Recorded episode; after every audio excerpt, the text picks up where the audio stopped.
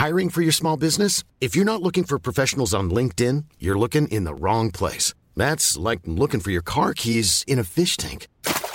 LinkedIn helps you hire professionals you can't find anywhere else, even those who aren't actively searching for a new job but might be open to the perfect role. In a given month, over 70% of LinkedIn users don't even visit other leading job sites. So start looking in the right place. With LinkedIn, you can hire professionals like a professional. Post your free job on linkedin.com slash people today.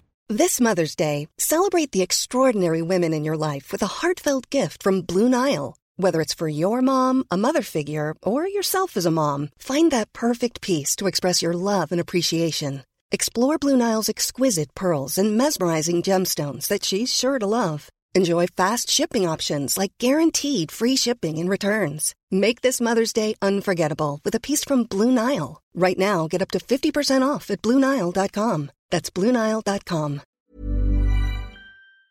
Hej och välkommen tillbaka till Storytime.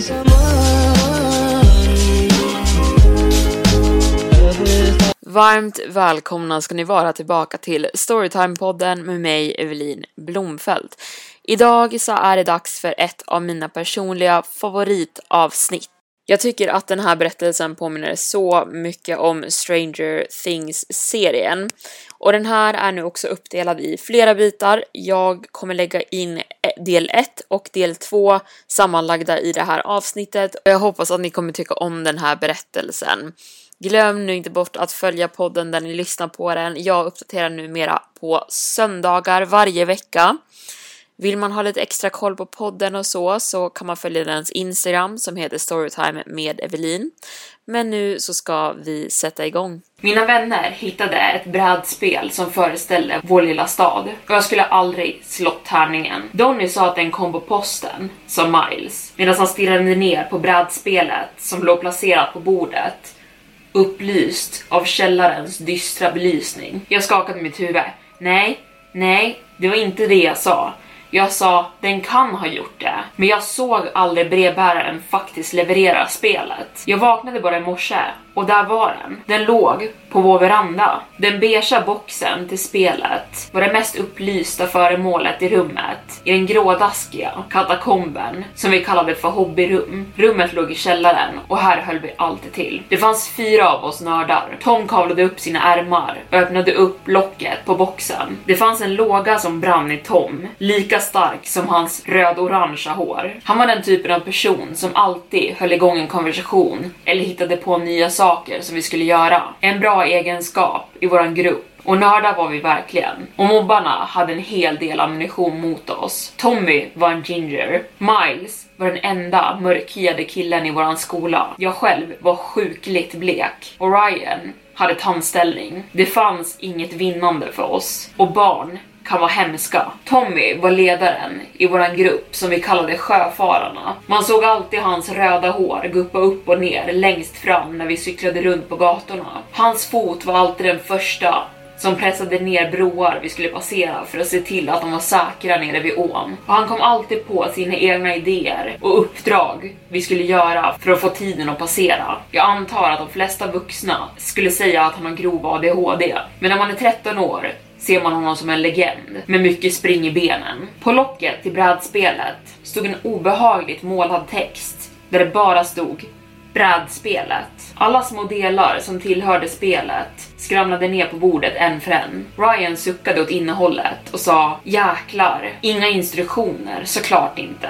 Och han hade rätt. På tiden jag var 13 år var det ett problem att inte hitta en manual till ett spel. Det fanns inget Google och inget internet. Men det är okej, okay, sa jag, för att försöka trösta deras nu så besvikna miner. Vi hittar på våra egna regler. Med ditt puck och Donny, svarade Miles. Jag greppade tag i en handfull av spelpjäser. Nej, men jag är seriös. Vi slår tärningen och så bestämmer vi reglerna medan vi kör. Och så skriver vi ner dem i ett anteckningsblock. Okej, okay, låt gå, suckade Ryan. Jag menar, vad annars kunde han säga? Han hade cyklat hit flera gator bara för det här. Så han skulle inte åka hem utan att ens försöka. Ingen av oss skulle. De flesta spelen har ett spelbräde och brädspelet som hade dykt upp på min veranda den morgonen var inget undantag. Jag vek ut den och placerade den på bordet framför oss. Den måste ha tagit upp väldigt mycket utrymme på bordet hur jag var tvungen att be Ryan att hoppa åt sidan och flytta sina massiva armar bort från bordet, vilket jag sällan behövde göra annars. Jag hällde ut alla bitar som tillkom med spelet ut på spelplanen. Det fanns så många bitar som var olika storlekar, former och målade i olika stilar. Jag tror vi direkt kunde urskilja vilka som inte hade hört hemma i spelet från början. Vi har till och med ett ord för sådana bitar. De improviserade. Det var det ordet vi använde för att förklara bitarna som egentligen inte tillhörde spelet från början, men användes för att byta ut originaldelar. Till exempel de delarna som hade glidit ner mellan plankorna i vårt trähus. Det fanns bilar, soldater, människor, vapen. Det här var någonting vi aldrig hade sett tidigare. Brädspelet hade inget tydligt tema. Det var bara en enda röra och mix av allt. Om det nu inte involverade storstadsboende. Det var Miles favorittyp av spel. Men han var inte imponerad av det här. Jag menar, jag var inte direkt imponerad heller. Vad är den här skiten? Sa han medan han grimaserade skeptiskt. Tyst Miles, hyschade Tom. Donnys mamma är på övervåningen. Hon kan förmodligen höra oss, du vet. Sorry Don, sorry fru Don. Han vinkade i luften, som för att visa fred, för att han hade svurit. Men snälla, det här är ett skämt. Bara massa improviserade bitar överallt. Brian stämde in. Ja, Donny.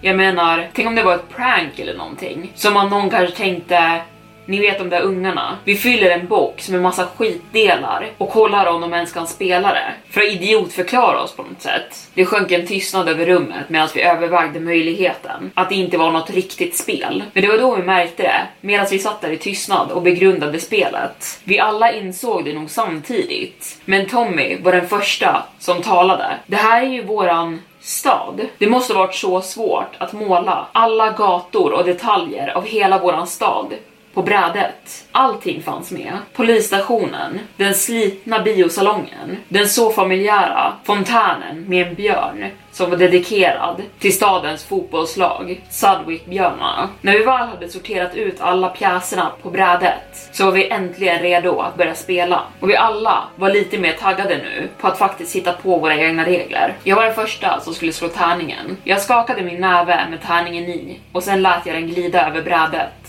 Plastbitarna och pjäserna skakade medan tärningen rullade och till slut stannade den på nummer 6. En ensam röd bil stod vid ett rödlyse på utkanten av staden på spelbrickan. Ingen av oss hade rört pjäsen, men ändå hade den nästan som av sig själv nu rört på sig fram till ett annat övergångsställe som om det skedde med magnetism eller någonting. Och från den stunden framåt så fanns det ingen återvändo. Efter att alla grabbarna hade packat ihop sig och åkt hem för att äta middag tog jag min cykel och begav mig mot blomhandeln i staden. Den låg på utkanten av staden så jag fick cykla ett tag. Jag skulle nämligen dit för att köpa blommor åt tjejen jag gillade. Jag hade gett henne små presenter förr, lite då och då. Saker som choklad, armband som jag hade gjort under lektionerna i skolan. Och jag var bara ett barn, så jag hade inte en stor budget. Så min största tillgång var egentligen min cykel. De små gåvorna var bara en ursäkt om hon bara hade vetat hur skammad hon blev. Jag gjorde allting det här för henne bara för att få se hennes stora, vida leende som var värt mer än guld för mig just då. Unge man hälsade floristen när jag klev in i butiken. Han var ungefär 40 år, men ändå så bräcklig och försiktig av sig. Som att han själv handplockade alla de här blommorna. Och han hälsade mig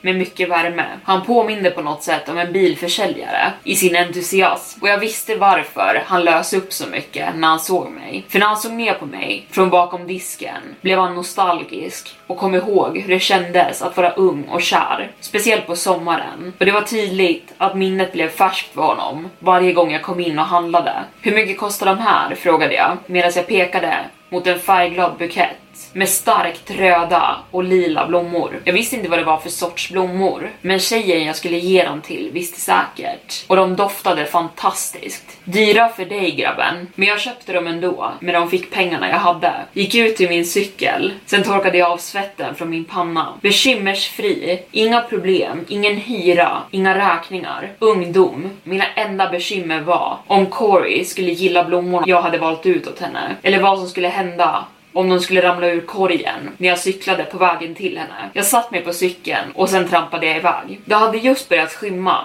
när det hände. Den första incidenten.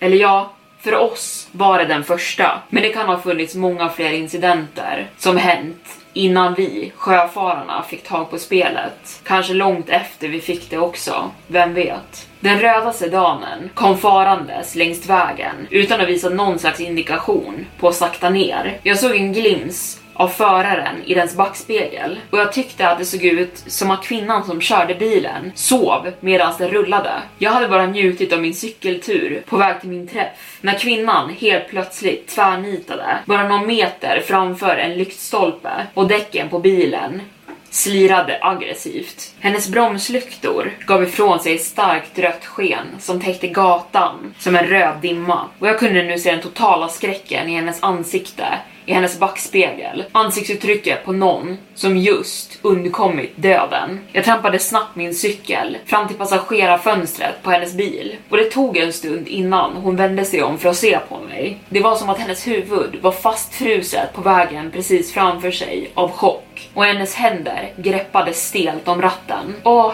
hej Donny! Hennes röst var skakig. Jag lutade mig närmre bilen för att få en bättre syn på hennes ansikte. Fru Landry. Jag kände igen henne. Hon jobbade på bensinmacken i staden. En snäll äldre dam som hette Esther Landry. Ja, jag ber om ursäkt Donny. Jag måste ha skrämt dig rejält där. Hon släppte bromspedalen på bilen. Herregud, jag måste ha åkt i en hastighet långt över min egen ålder. Jag skulle säga att du åkte mycket snabbare än 21 kilometer i timmen. Hon släppte ut ett skratt och slappnade av lite grann. Är du säker på att du är okej? Okay? Vill att jag ringer någon åt dig? Nej, nej, jag tror, jag tror det kommer bli okej. Okay. Jag måste ha slumrat till, men jag är vidvaken nu. Vilket bryskt uppvaknande det var minst sagt. Jag sa åt henne att köra försiktigt, gav henne en vinkning och sen satte jag fart på min cykel igen. Vi åkte sida vid sida en stund innan hon började accelerera bilen. Det var en väldigt långsam takt att köra, men jag trampade så snabbt jag bara kunde på min cykel. Du skulle aldrig komma på mig men jag kallar min cykel långsam på den tiden dock. Min älskling var en riktig travhäst, speciellt jämfört med mina vänners. Mycket snabbare än Ryans skrothög och definitivt snabbare än Toms. Men efter att hon fortsatt köra i samma takt en stund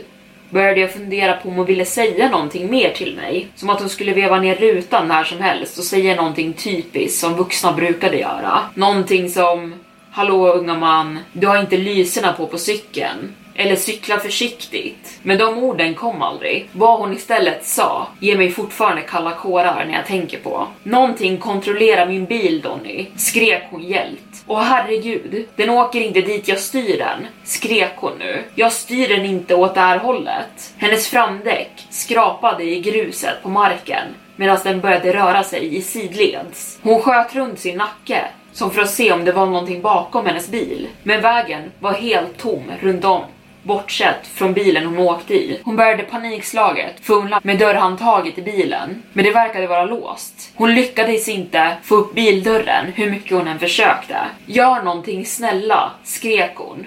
Vi båda var hjälplösa. Jag cyklade närmre bilen för att försöka dra henne ut ur bilfönstret. Men hennes tjocka, stabila säkerhetsbälte vägrade låsas upp hur mycket hon än kämpade. Och nu började bilen gnissla, som att den hela tiden drog sidleds mer och mer längs asfalten den körde på. Och helt plötsligt blev hennes gråa hår bara ett töcken när bilen svingades iväg med en enorm kraft och hennes panikartade skrik ekade medan hon svingades iväg. Allting skedde så snabbt. Det fanns ingenting jag kunde göra. Sedanen svingades med en enorm kraft rakt in i en lyktstolpe som om den drogs av en tung magnet. Glassplitter flög överallt flera meter och enorma flammor steg från fordonet. Jag kunde se hur hela interiören av bilen fattade eld och kände direkt lukten av bränt material. Jag slängde mig av cykeln och sprang allt vad jag hade mot bilen. Men jag stannade tvärt och mina sneakers gled en liten bit på gruset under mig när jag insåg att det var alldeles för sent. Fru Landry försökte kravla ut ur den nu trasiga vindrutan. Hon såg upp mot mig, försökte säga någonting, försökte böna efter hjälp. När man är 13 år är det inte meningen att man ska se ansiktet smälta av en person på det där sättet. Ett så vänligt ansikte bubblade nu av som tuggummi. Det är inte meningen att du ska se livet gå ur någons ögon på det sättet. Jag trampade iväg från den hemska scenen jag just bevittnat under gatubelysningen när jag insåg att det inte fanns någonting jag kunde göra. Allt jag kunde fokusera på var att trampa och jag såg aldrig tillbaka mot fru Landers bil eller hennes manglade ansikte där det låg. Och just den stunden, den kvällen, så var min cykel en travhäst och mina förfärade skrik drev henne framåt. Jag träffade upp Corey kort efter händelsen och hon märkte direkt att någonting var fel. Ljuset i mina ögon fanns inte där längre. Vi möttes i en lavendelfylld glänta på samma ställe där vi brukade träffas. Den vackra tjejen med ett pojknamn låg utspritt bland blommorna och såg ut att beundra skymningen och kvällshimlen medan hon andades in den friska luften betraktandes medans stjärnorna började bli synliga på himlen. Jag parkerade min cykel, gick fram och slog mig ner bredvid henne. Medans jag öppnade upp min ryggsäck. Jag köpte de här till dig. Hennes ögon sköt upp på mig, sen på blommorna, sen hennes bländande leende. Så starkt att det kunde ha tänt ett ljus. Hon tog dem med en hand och höll sin andra hand för sitt hjärta. Åh, utbrast hon innan hon la sig på rygg igen. Jag kan inte ta med de här hem, du vet. Mamma kommer döda mig. Jag vet, svarade jag. Så njut av dem. Även för en liten stund bara. Corey vände på sitt huvud som hon lutade mot sin ryggsäck. Hon såg rakt på mig och log stod med sina fräkenbeklädda kinder. Men hennes leende dog ut när hon granskade mig och sa Vad är fel? Jag satt och drog grästuvor ur marken runt om mig. Det var en bilolycka på vägen hit. Hon satt sig rakt upp. Åh herregud. Donny, är du okej? Okay? Ja, mumlade jag.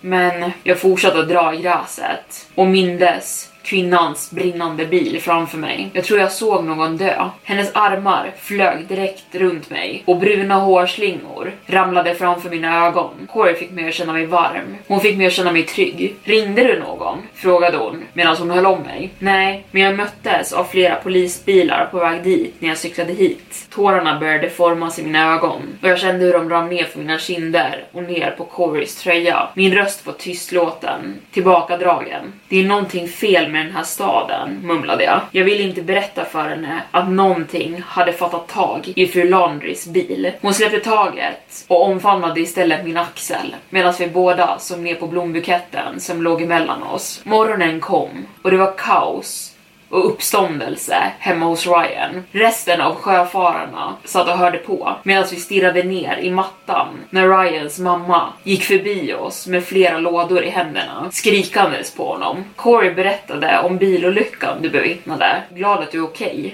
som Miles. Och Tom nickade instämmandes. Ja, jag är okej, tack killar. Jag försökte mitt bästa för att verka obrydd och lugn framför killarna medan jag höll tillbaka tårar ännu en gång. Men vad är det som försiggår här? viskade jag till Tom. Han skakade sitt huvud. Slå dig ner. Miles anslöt sig. Ryan tog hem brädspelet igår och hans mamma hittade det. Jag såg på honom förvirrad. Och vad är fel med det?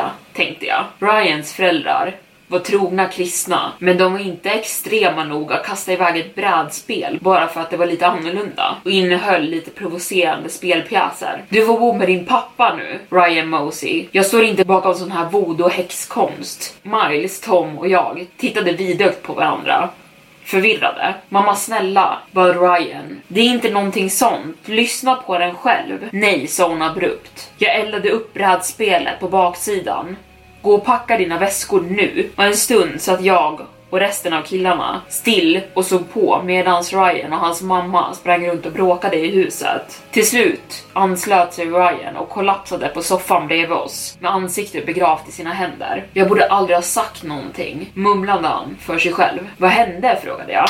Det var hemskt Donny.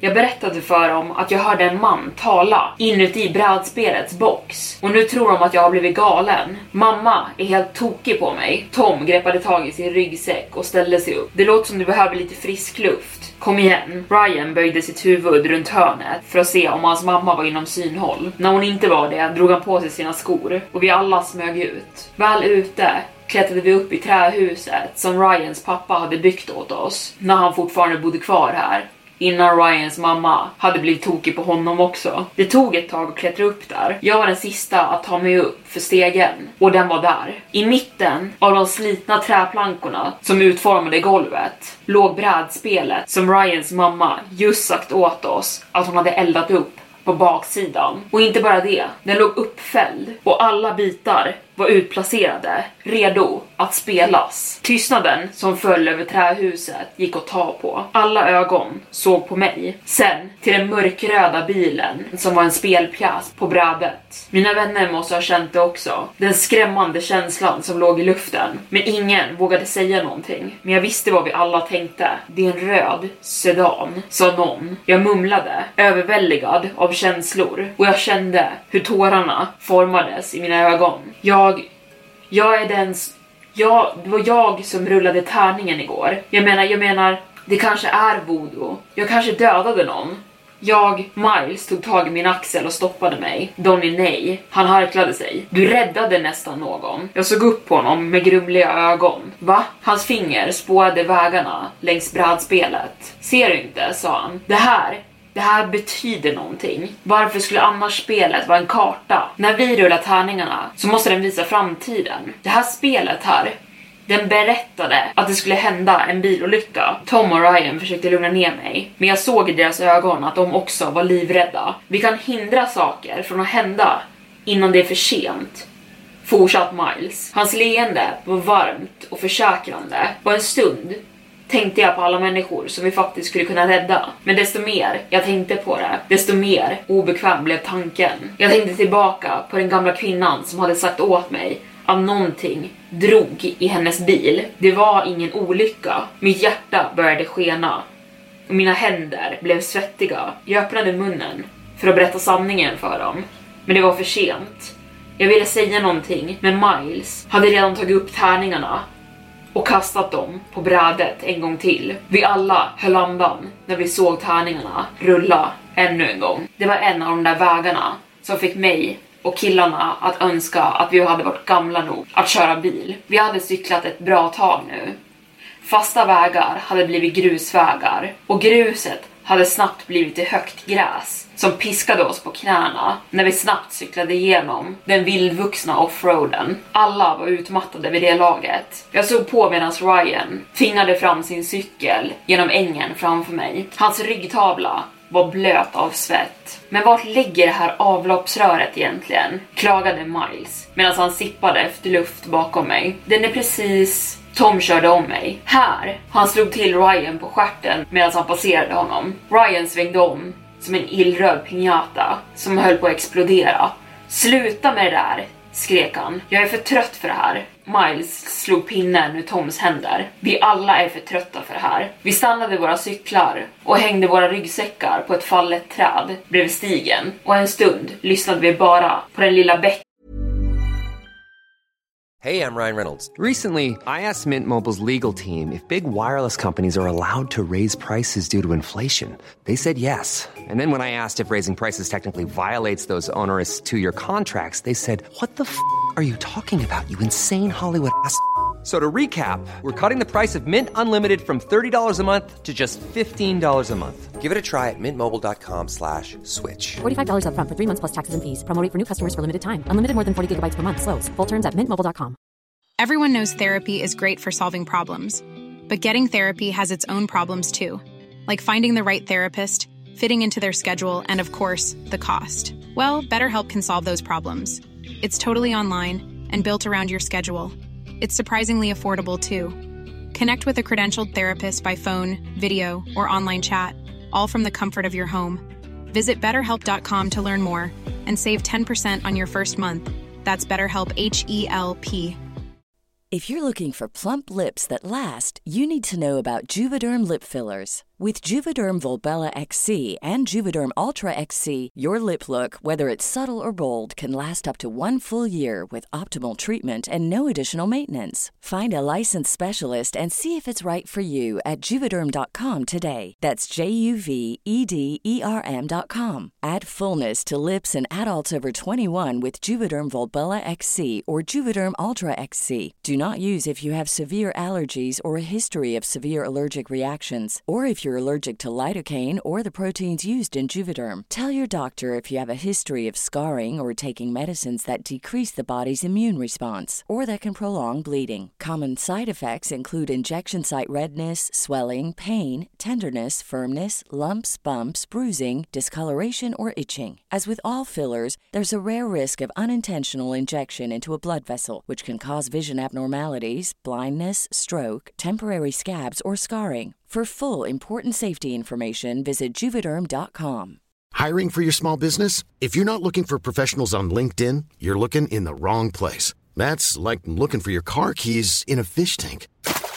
LinkedIn helps you hire professionals you can't find anywhere else, even those who aren't actively searching for a new job but might be open to the perfect role. In a given month, over 70% of LinkedIn users don't even visit other leading job sites. So start looking in the right place. With LinkedIn, you can hire professionals like a professional. Post your free job on linkedin.com slash people today.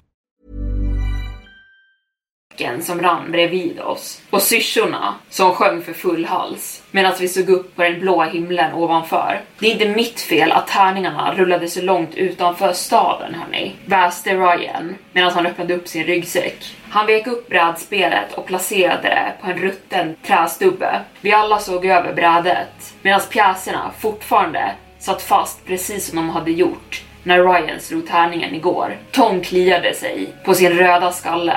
Ovanpå kartan av våran stad fanns nu två pjäser fastklistrade på brädet. De första som hade placerats ut. Och de hade placerats av sig själv på utkanten av staden. Så det här är alltså den första olyckan som kommer ske. Maj lutade sig över spelet och granskade pjäserna. Vad tror ni det betyder? Vad kommer hända? Tom korsade sina armar över sin bröstkorg.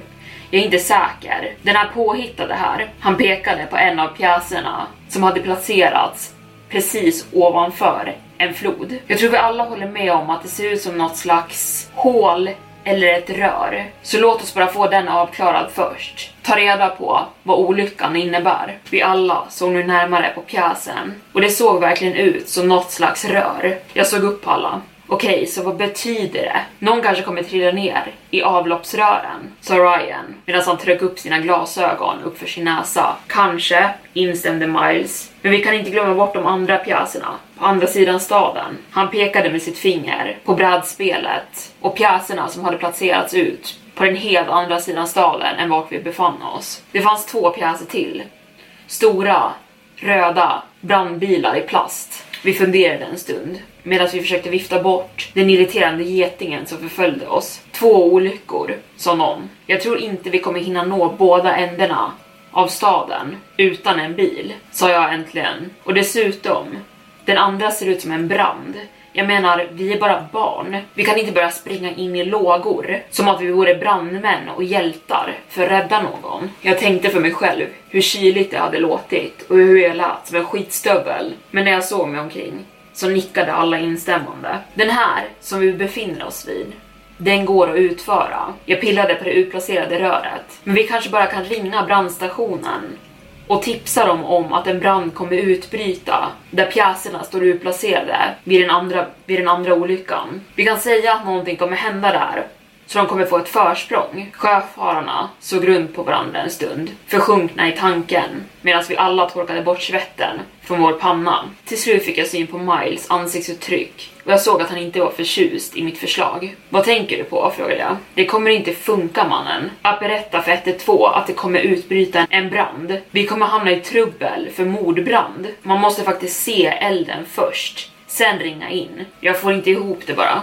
Hmm. Jag tog fram en kolagodis ur min ryggsäck och började tugga. Vet ni vad? sa Miles. Låt Tom bestämma vart vi ska ta vägen. Alla ögon fördes nu över till den rödhåriga killen. Åh oh, hörni, mumlade han medan han, kände, medan han kände efter någonting under sin flanellskjorta. Jag tycker, jag tycker vi fortsätter och leta efter avloppsröret. Donny har rätt. Vi är redan här.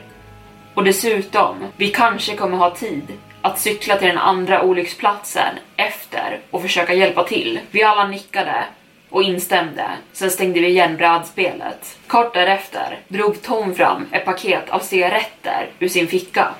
Vad fan, Var fick du tag i dem där? Pep Ryan. Vad? Mumlade Tom medan han tog fram en cigarett och placerade den mellan sina läppar. Det är stressigt att vara en hjälte. Med en snabb rörelse tände han upp cigaretten med sin tändare och kände ånger direkt. Först satt han i halsen och började hosta hysteriskt, följt av Ryans hysteriska skratt. Sen var det våran tur att skratta. Alla böjde sig bakåt i gräset av asgarv. 1989 vi alla var där. Det var svårt att andas, ingen av oss kunde. Vi var nästan framme vid vår destination när det rinnande vattnet i bäcken påminde oss om hur kissnödiga vi var. Mannen, jag vet inte med det här, hörde jag Ryan säga i en buske medan han, han drog ner gylfen på sina byxor. Jag trodde människor blev arresterade för att de kissade utomhus. Håller du aldrig tyst? sa Tom. Jag vill inte hamna i fängelse Tom.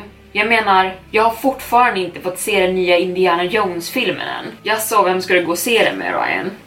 Min mamma, sa han medan han kom ut från busken och såg oroligt mot både höger och vänster och man kunde se några polissirener efter att ha urinerat på offentlig plats. Oh boy, sa Tom medan han skrattade och tog armkrok om Ryans nacke. Vi måste skaffa en flickvän till dig kompis. Ryan slet sig ur Toms grepp. Hans svettiga t-shirt fastnade i greppet och åkte upp lite grann. Jaså, och vart är din då? Kompis. Hörni killar, var tyst en sekund, hyschade Miles. Hör ni det där? Vi alla såg på varandra och tänkte samma sak. Ljudet kunde inte komma från någon av oss som stod i gläntan. Pojken som dök upp bakom några träd hette Mikey och han var byggd som en mobbare. Hans armar var breda, inte tjocka, men breda nog att dra upp dina kalsonger långt över ditt huvud. Hans axlar var tillräckligt breda för att få dig hosta upp alla lunchpengar du någonsin haft. Men som tur för oss så var han en snäll jätte. Från vad jag kunde minnas från lektionerna så älskade han att rita och måla och han var väldigt bra på det också. Så vi visste att hans händer var gjorda för konst, inte våld. Mikey, sa Tom, vad gör du här ute? Utforskar. Hans röst var mycket mörkare och djupare än någon av våran. Ni då grabbar? Vi alla såg på honom en stund i tystnad utan att veta vad vi faktiskt skulle svara. Vi kunde inte direkt säga att vi var mitt ute i vildmarken för att vi försökte rädda livet på någon främling på grund av att ett brädspel visade oss framtiden och att någon snart skulle mördas av ett avloppsrör. Utforskar sa Tom medan han lutade sig tillbaka mot en fallen trästump. Coolt sa han. Han drog fram en chokladkaka ur sin ficka och den var så liten i hans händer så det såg ut som att en gorilla fint och försiktigt skadade en banan. Kan jag följa med? Den stora grabben var schysst så vi sa att han kunde följa med oss. Han gillade filmer, superhjältar och tjejer. Och det är allt man behöver när man är 13 år. Det eller en cool cykel. Men vi talade aldrig om sanningen, om varför vi faktiskt var ute i vildmarken för honom. Till slut var vi i floden och hoppade från konstigt formade stenar för att ta oss fram. Medan kraftigt strömt vatten forsade under oss så höll vi utkik efter någonting som liknade ett rör. Så när folk skiter i staden, spolas det inte typ ut någonstans här då? Frågade Tom medan han grimaserade. Jag tror inte det. Jag tror det är bara stormvatten. Ingen avföring, som Miles. Men vänta, jag är inte säker. Åh, vinden hade börjat tillta och avtrubbat våran entusiasm. Vi hade trots allt tänkt solsken och glittrande vatten med fiskar som hoppade fram och tillbaka. Verkligheten var att vattnet var grumligt och Ryan såg nervöst runt på ytan efter flytande toalettpapper. Vi hade gått upp för strömmen i en och en halv timme när molnen började tillta och vinden blev starkare. Vi hade delat på oss så att det skulle gå snabbare. Tom, Miles och Ryan var längst bort på den vänstra sidan medan jag och den nya ungen gick på den motsatta sidan. Vi stannade upp så att han kunde dra ur en extra tröja ur sin ryggsäck och klä på sig bättre. När vi gjorde det skymtade jag röda och blåa sprayburkar som låg i hans ryggsäck. Säg mig, vad gör du med de där sprayflaskorna? Frågade jag. Jag ville spraya om min cykel själv. De säger ju trots allt att rött är snabbast. Ah, Miss Lindsay har gett mig kvarsittning alldeles för många gånger vid det här laget, sa han medan han skakade sitt huvud. Och det var verkligen som ett litet fängelse där. Herregud. Du förstår, hon kom på mig med att sitta och skissa under lektionen. Och bam! Så fort hon fick reda på det tvingade hon mig ställa mig upp för hela klassen och visa upp vad jag hade ritat. Och efter det fick jag kvarsittning. Igen. Jag är inte som resten av killarna där. Jag gillar bara att rita. Han sträckte sig ner i sin ryggsäck och tog fram sprayflaskorna Sen höll han dem framför sitt ansikte och beundrade dem som om de vore diamanter. Som jag ser det så skadade jag inte någon, men jag klottrade lite här nere. Han nickade mot en bäck som rann ner i ån där vi befann oss. Jag skadar inte någon när jag bara klottrar på avloppsröret mannen. Ingen kan säga åt mig, inte min mamma och inte Miss Lindsay. Ingen. Vi letar ju också efter avloppsröret. Jag stirrade på honom en stund, vidögd. Vet du vart det ligger? Han nickade sitt huvud till någonstans bakom mig. Jag svängde runt och några meter bort fick jag syn på den. Vatten strömmade ut ur dens mynning, ner i floden. Tom, skrek jag. Sjöfararna hörde att jag ropade på dem och kom hoppandes ner för stenarna till dit vi stod. Vad är det som händer dem? Jag började lätt putta bort Mike från floden när jag insåg. Det är han, det är Mikey. Det är han som är näst på tur. Alla anslöt sig och försökte leda bort honom från vattnet fort. Men han började protestera. Vad är det som försiggår? Du är i fara mannen, sa Miles. Är det här något slags prank? Nej, vi tror att det kommer ske en olycka. Höga metalliska ljud avbröt oss och började eka från avloppsröret. Vi började skynda på. Någonting kommer, mumlade jag. Vi måste röra på oss. Vad menar du med någonting kommer? sa Ryan. Och i den stunden ångrar jag att jag inte hade varit ärlig med dem och berättat om vad jag faktiskt såg när bilen kraschade igår. Ingenting, fortsätt bara. Vinden blev kraftigare. Stark ylande nästan. Och vi märkte snabbt i farten att det hade börjat regna. Vi nästan kravlade upp på alla fyra uppför sluttningen ut från floden när det hände igen. Mikey slungades tillbaka med en enorm kraft ner i floden. Han rullade våldsamt ner i vattnet med grus som flög överallt. Någonting håller tag i mig, skrek han från floden under oss. Mer grus och smuts flög över hans ansikte och han blödde nu från läppen. Den har mig, hjälp Donny, när han släpades längs stenarna ner i vattnet. Vatten flög överallt när han drogs ner i floden. Vi kommer, skrek vi alla medan vi började skynda oss ner för diket för att hjälpa Mike. Han drogs fortfarande åt samma håll som avloppsröret av någon kraft vi inte kunde se. Varje gång kraften drog till honom hörde vi vinden ila, nästan som att den skrek. Det gråa vattnet runt om Mike hade börjat få en rosa-röd ton när hans hjälplösa kropp släpades och slog emot stenar i vattnet. Miles var den första ner i vattnet och skyndade att ta tag i Mike. Han fattade tag i hans kläder och han själv hade skrapat upp sitt knä helt när han tagit sig den sista biten ner i vattnet. Shit, skrek han. Mike hade nu kommit halvvägs till avloppsröret. Vi alla förstod att tiden var knapp. Vi ville inte veta vad som hände om han väl tog sig dit. Miles fick ögonkontakt med honom och vi såg hur han hyperventilerade medan han skrek av smärtan i sitt ben. Jag kommer inte släppa dig Mike. Ryan fick panik och började kasta stenar mot luften bakom Mike. Som att vad som än höll i honom skulle släppa taget, vad det än var. Miles skulle inte orka hålla i länge till och vid laget han tappade greppet och Mike flög mot gallret av avloppsröret så trodde vi alla att han redan var död. När vi äntligen tog oss fram till honom hade han silats fast mellan stängerna som skyddade avloppsröret. Just nu var det här hans enda livlina från saken som drog i honom på insidan. Han hade ryggen mot stängerna och de gav vika mer och mer från den enorma kraften. Hans ansikte sjönk ner. Tom försökte skaka loss honom ur greppet. Vi alla gjorde det. Han var nu medvetslös. Hans ögon hade rullat bak i hans huvud och han svarade inte när vi skrek efter honom. Mike skrek någon. Vakna! Vi röck och röck i honom allt vad vi kunde, men kraften vägrade släppa. Det drog honom längre och längre in och krossade hans kropp medan den gjorde det. Han satt fast som av en magnet. Precis som på brädspelet. Han vaknade äntligen till. Han såg sig omkring och skrek i panik och smärta medan han höll på att sugas in i ett enormt vakuum. Allting gör ont, grät han ut. Snälla rädda mig. Tom, Miles, ta tag i hans ben, skrek jag och det gjorde de. Ryan och jag tog tag i en varsin arm. Det var svårt att andas i trycket av vattnet och hans kropp drogs mer och mer bort från oss och vi var helt säkra på att han när som helst skulle dras in i mellanrummen mellan stålstängerna. Vi alla drog i en varsin kroppsdel och försökte att vicka loss honom och vi började lyckas få loss honom. Först fick han loss nacken från kraften. Sen verkade den släppa taget om hans bröstkorg. Vinden ilade våldsamt igen. Den där saken ylade. Jag var livrädd och hade hjärtat i halsgropen. Ryan hade inte ett bra grepp. Det var för halt och för tungt och pojkens arm var helt blöt och hal av svett och vatten. Det gjorde det inte bättre att blod nu sipprade ut från ett sår på hans axel. Och så tappade han greppet. Det var inte meningen. Mike slog i sin handled så hårt så att den gick av direkt så fort den slog i stålstängerna. Han skrek öronbedövande högt av smärtan och Ryan klev bak i chock medan hela hans kropp skakade. Förlåt, det var inte meningen, jag började han. Miles vände sitt huvud medan han höll i ett av benen hårt. Ryan, du måste ta tag i hans axel nu. Han var paralyserad, överväldigad och överrumplad av Mikes skrikanden. Gör det! skrek Miles åt honom. Ryans ansiktsuttryck gick från rädd och förtvivlad till någon slags beslutsamhet. Med ett snabbt utfall greppade han tag i pojkens arm och la en arm på stålstången. Sen drog han allt vad han kunde.